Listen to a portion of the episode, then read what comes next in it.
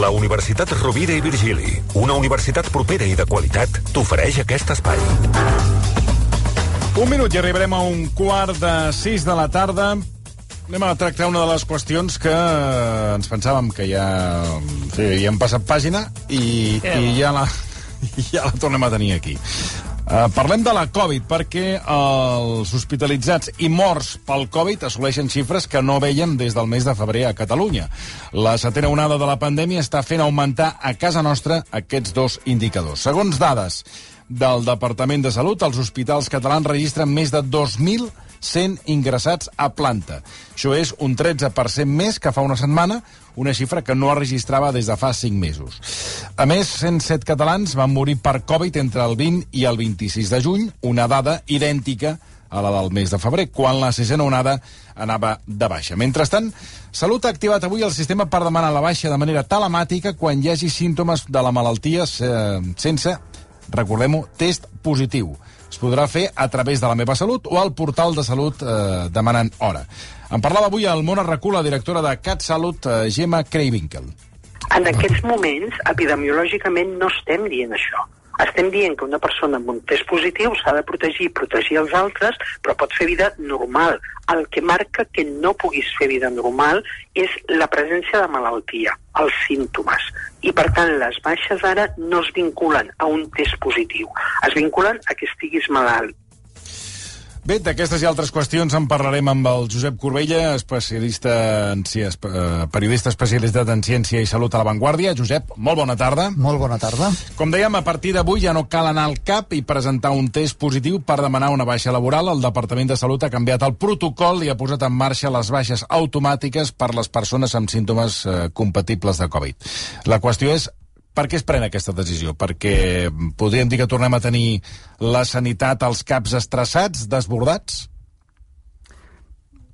es pren aquesta decisió perquè no prendre-la seria pitjor. Estem en una situació que ja eh, hi ha hagut en les últimes setmanes i tenim encara molts contagis eh, i això provoca efectivament una pressió sobre eh, l'atenció primària.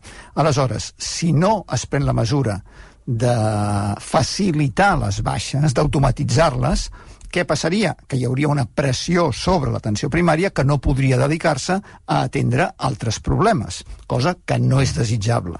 Si no es poden donar totes aquestes baixes a l'atenció primària perquè està desbordada, què passaria? Que no es donarien algunes d'aquestes baixes i hi hauria persones positives que podrien contagiar els altres que no s'aïllarien perquè no tindrien la baixa cosa que tampoc no és desitjable. Per tant, en una situació que tenim ara tants contagis a Catalunya, és una solució transitòria per eh, gestionar aquest pic de demanda de baixes. Ho dic perquè, eh, per exemple, aquesta decisió està molt criticada pel, pel que és la, la patronal, mm, perquè han posat les mans, al, les mans al cap de que novament es posi en marxa aquesta decisió. Per tant, alguna raó ha de tenir de tirar-la Corbella, en, perdona, endavant. uh, pots gestionar una baixa a mi, sisplau? No, que estàs amb això? Eh? Miri, jo no li puc gestionar. eh? El dilluns, són cinc dies, no? El dilluns, de dilluns a divendres va, però ni pintat, saps? palmes en vacances. No, és que se l'ha de fer vostè. La baixa... Eh, Però ja, però ell, ell té, de té, més, però ell té més contacte directe, no? Sí, Ell però no, està no, ficat eh, al meollo. Sí, home, però vostè s'ho procura vostè, exacte, el meollo. S'ho procura vostè i s'ho mira, s'ho mira vale, vostè. vale, vale, Uh, bé, avui uh, també volíem saber bueno, quins són els símptomes que, perquè clar, potser un es pensa que té Covid, demana la baixa i resulta que no té Covid, però demana la baixa.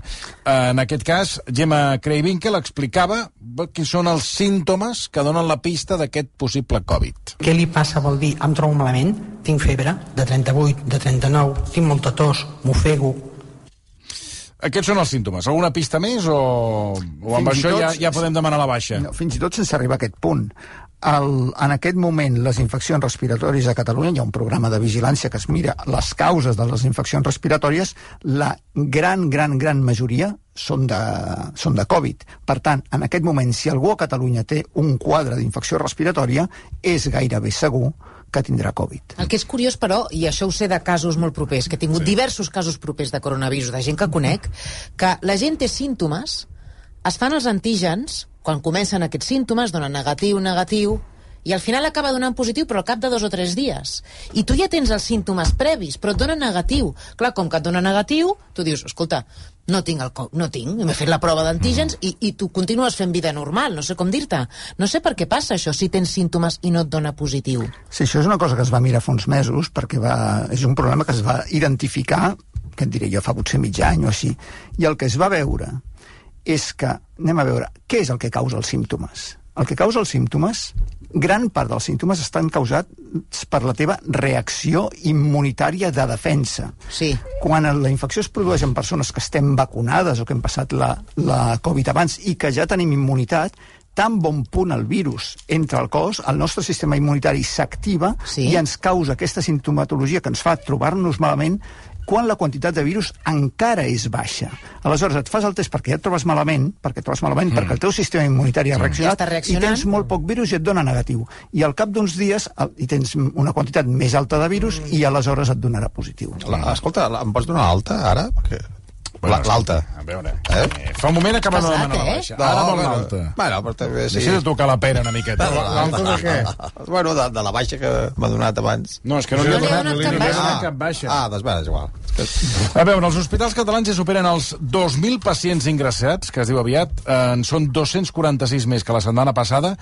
Uh, quina interpretació hem de fer d'aquesta de- de- d'aquesta evolució dels casos? És a dir, això uh, vol dir que anem a més, que cada cop uh, en, en tindrem més, i si veiem ja allò que se'n diu la punta uh, d'aquesta setena onada i quan començarà a baixar. A veure, deixa'm separar la punta sí. de la setena onada amb els hospitals. Val? La setena onada. Sí.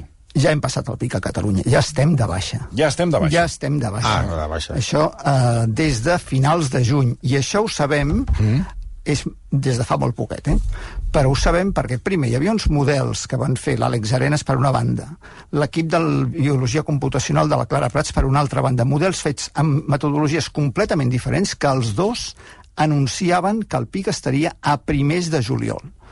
Um, i, i això s'ha confirmat amb dades tant de l'AQUAS, la- l'Agència de Qualitat de, del Sistema Sanitari de Catalunya, Sí. que ha fet un informe, fins ara el feia cada dia, fins al, i l'últim és, és d'aquesta mateixa setmana, que ja es veu que comença a baixar la incidència en tots els grups d'edat, excepte en el de 15 a 30 anys, i després hi ha, un, hi ha un nou sistema de vigilància, que és el CIVIC, que és el sistema d'infecció de, de vigilància d'infeccions respiratòries a Catalunya, mm. que ja fa una estimació de, de, a l'última, també d'aquesta mateixa setmana, que estem baixant. Per tant, tot, hi ha un seguit de dades que venen de fonts diferents, que estan treballades... De, Que ja estem de baixada. Que totes conflueixen en que el pic de contagis a Catalunya s'ha passat a l'última eh, finals de juny. Mm. Això vol dir que estem dalt de tot de la onada. Per tant, encara hi ha ara molts contagis. Ara comencem a baixar, però encara hi ha molts contagis. No vol dir que um, això ho tinguem coll avall. Vol dir que anem bé, però encara tenim molts contagis i són pertinents mesures de prevenció. Aleshores, situació diferent és als hospitals. Què passa als hospitals? Um, aquests 2.000 casos Sí. no distingeixen casos que ingressen per Covid i casos de persones que ingressen per altres motius i que quan arriben se'ls fa la prova i donen positiu i són amb Covid. Aleshores, quan hi ha hagut molts contagis a fora dels hospitals, una part important de les persones que ingressen tenen Covid i donen positiu. I per això tenim aquestes eh, xifres tan altes de, de pacients hospitalitzats amb Covid. Si vas a mirar la, els crítics, els d'abusis, que aquests sí que es mira amb, eh, que són causats per Covid, aquí estem entorn de 50, han crescut de 40 a 50 en un mes.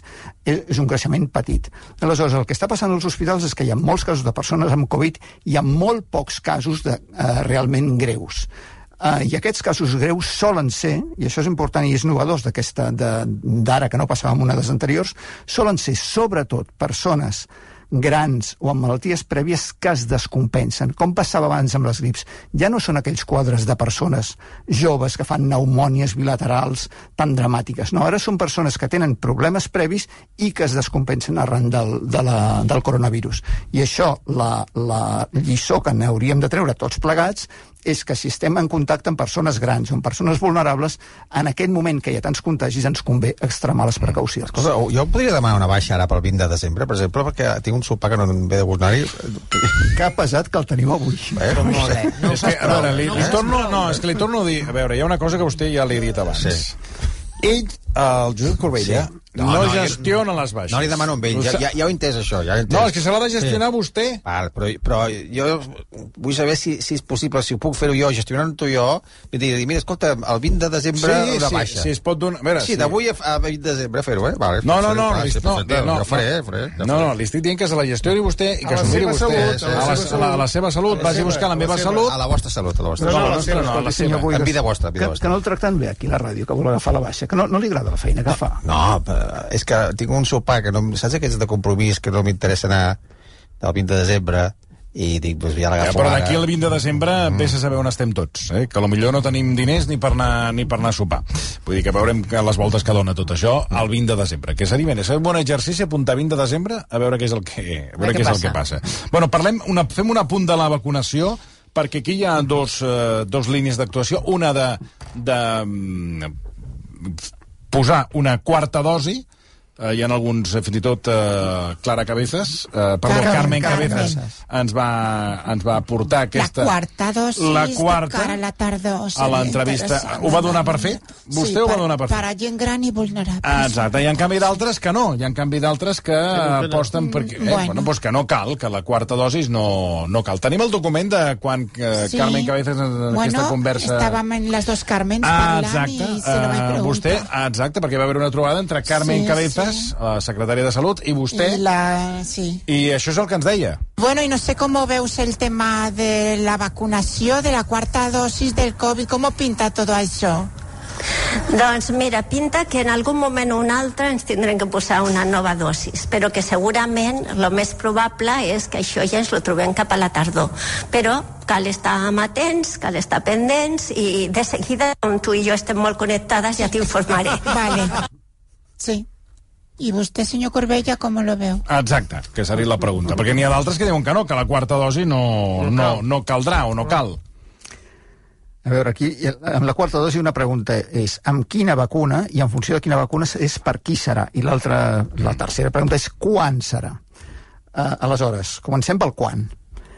Um, aquí a Catalunya, Sí. des del mes de juny, s'haurien hagut d'estar posant les vacunes a persones grans i a persones amb, eh, amb patologies. Des del mes de juny. Sí, perquè això era la recomanació que va fer el Centre Europeu de Prevenció i Control de Malalties, l'ECDC, amb un document destinat a tots els governs europeus com a guia, una recomanació que va fer a la primavera, que va dir si pugen els casos molt a començament d'estiu, convindrà posar una quarta dosi com abans millor a la gent gran. Ja. I si s'hagués fet, si hi hagués hagut agilitat, eh, reflexes per reaccionar bé, en el moment que van començar a pujar els casos, mm. eh, que això ja ho veiem el 15, a mitjans de juny ja ho veiem clar, molts dels casos greus que tenim ara en hospitals no els tindríem. I com és que no es va això, fer? Doncs perquè no vam tenir la, la rapidesa de reflexes que hauríem hagut de tenir. I això depèn És de que la... falta comi- gent. No, no, això... Eh, Sí, és que no se pot Sí que- tot. No, no, no, escolti No. el que diu el Josep Falta- Corbella, no és un tema de que falta gent. Fal, sí que falta gent, Bé. però, Però això, fal- no, però la fal- regulació de les vacunes ve Escolti. de, del Ministeri de Sanitat, de la Comissió de Vacunes del Ministeri de Sanitat, que no van tenir la capacitat de reacció que haurien hagut de tenir. I d'aquí Sí, ve... clar, mm, és a dir, de Madrid, Madrid. que no ha estat eh, reflexada con lo que tenía que estar reflexada y fixada. No, me mireu a mi. No, no, si estic mirant el Josep Corbella. No. Aleshores, no, en el punt que que- som ara, com que aquesta onada ja ens l'hem menjada, Clar, ja està. ja no arribem a temps. Mm. Per tant, ara ja no té sentit eh, vacunar la gent gran per a la onada actual. Això- Ja, ja tenim una certa, eh, gràcies als contagis que hem tingut aquest mes de juny, i que tindrem al juliol, tindrem una certa immunitat de cara al setembre-octubre. Ara hauríem d'estar pensant ja en la vacunació de cara a la tardor, pressuposant que abans o després tornarem a tenir algun increment de casos important perquè és el que hem vist, el patró que hem vist el, els últims... Els últims el, Sí, sí, el primer any de la pandèmia no compta, però el patró que hem estat veient és que hi ha unes oscil·lacions de pujades sí. i baixades i abans o després tornarem a tenir una pujada causada probablement per alguna nova variant. Una variante trapella que se saltará la inmunidad que teníamos hasta ahora. Exacto. Sí, no sabem com seran, però Sí. sabem que abans o després pujaran. Sempre Aleshores, hauríem d'estar pensant ja de cara a la tardor. Aquí és on ve la quarta dosi. Aleshores, aquesta quarta dosi, si és amb les vacunes actuals, està recomanada per persones grans, és evident que té un benefici en majors de 80 i probablement també en la franja de 60-80, Exacte. i no en persones adultes sanes. Si arriben noves vacunes adaptades a noves variants, aleshores probablement es revisaran aquestes recomanacions i s'oferiran a grups més amplis de població. Sí, es, anava a dir pràcticament... Anava a dir el mateix que Sí. Josep Corbello. Doncs Sí, van, sí. van pràcticament en paral·lel, en eh? consonància, En consonància. i en coordinació, com si fóssim un cuerpo de baile. Bueno, i ara no li preguntaré a vostè, però li preguntaré al Josep Corbella, vostè si vol dir alguna cosa. Sí, al voltant d'avui una cosa, una subvariant que hem llegit... Oh, hay tantes. Bueno, de la Centaurus. Oh. Parlem d'aquesta mutació d'Omicron perquè els científics ja han confirmat que la nova subvariant que té el nom de Centaurus o BA.275 s'ha expandit per l'Índia fins a set països més. Alguns experts diuen que aquesta variant és capaç d'esquivar els anticossos que generen les vacunes i infeccions prèvies. D'altres apunten que podria ser fins a cinc vegades més contagiosa que Omicron. Què en sabem de... Bàsicament, que, bueno, què en sabem d'aquesta subvariant Centaurus? A veure, a hores d'ara en sabem ben poca cosa. Um, quan apareix una nova variant, bàsicament hi ha dues coses que preocupen i que s'han de mirar. Una és si és més contagiosa, ja sigui mm. perquè sigui intrínsecament més contagiosa o perquè eh, esquivi la immunitat, i l'altra cosa que preocupa és si és més virulenta. Mm. Aleshores, aquesta, el que en sabem fins ara, és Sí. que és una variant que és descendent de la BA2, que aquí la teníem al... Que ja la tenim, no? No, no, la BA2 ja, ja no la tenim perquè Ah, l'Òmicron ja l'ha eliminat. superada, Aquí ja. Ah, o sigui, aquesta és ja està superada. ja- ja m'he perdut, No, ja, ja és m'he la de la nostra primavera, Ah. la BA2. El... Que és la sigilosa. Exactament. La, la Omicron La que se'n deia sigilosa. Molt És aquesta, molt bé, molt Aleshores, bé. a la Índia, Sí. on era predominant la BA2, ara la, aquesta nova de BA275, que n'és descendent, s'està estenent. Mm. Això què vol dir? Doncs que, Que vol dir que ja la tenim aquí? no, no vol dir això. Vol Ai. dir que en un context de BA2, aquesta 275 és més contagiosa, s'estima que al voltant d'un 15% més contagiosa amb les dades d'allà, que és tot molt preliminar. Aleshores, aquí no estem en BA2, aquí estem en BA5, que ja era aproximadament també gairebé un 15% més contagiosa. No sabem si quan aquesta nova de la Índia entri en contacte amb la BA5 que tenim aquí, quina de les dues predominarà. Per tant, que hi hagi aquesta variant amb expansió a l'Índia no vol dir necessàriament... Que arribi aquí. que, que aquí arribarà. El que No, no, sabem és que un cop arribi, si s'expandirà o no, en el context de predomini de BA5.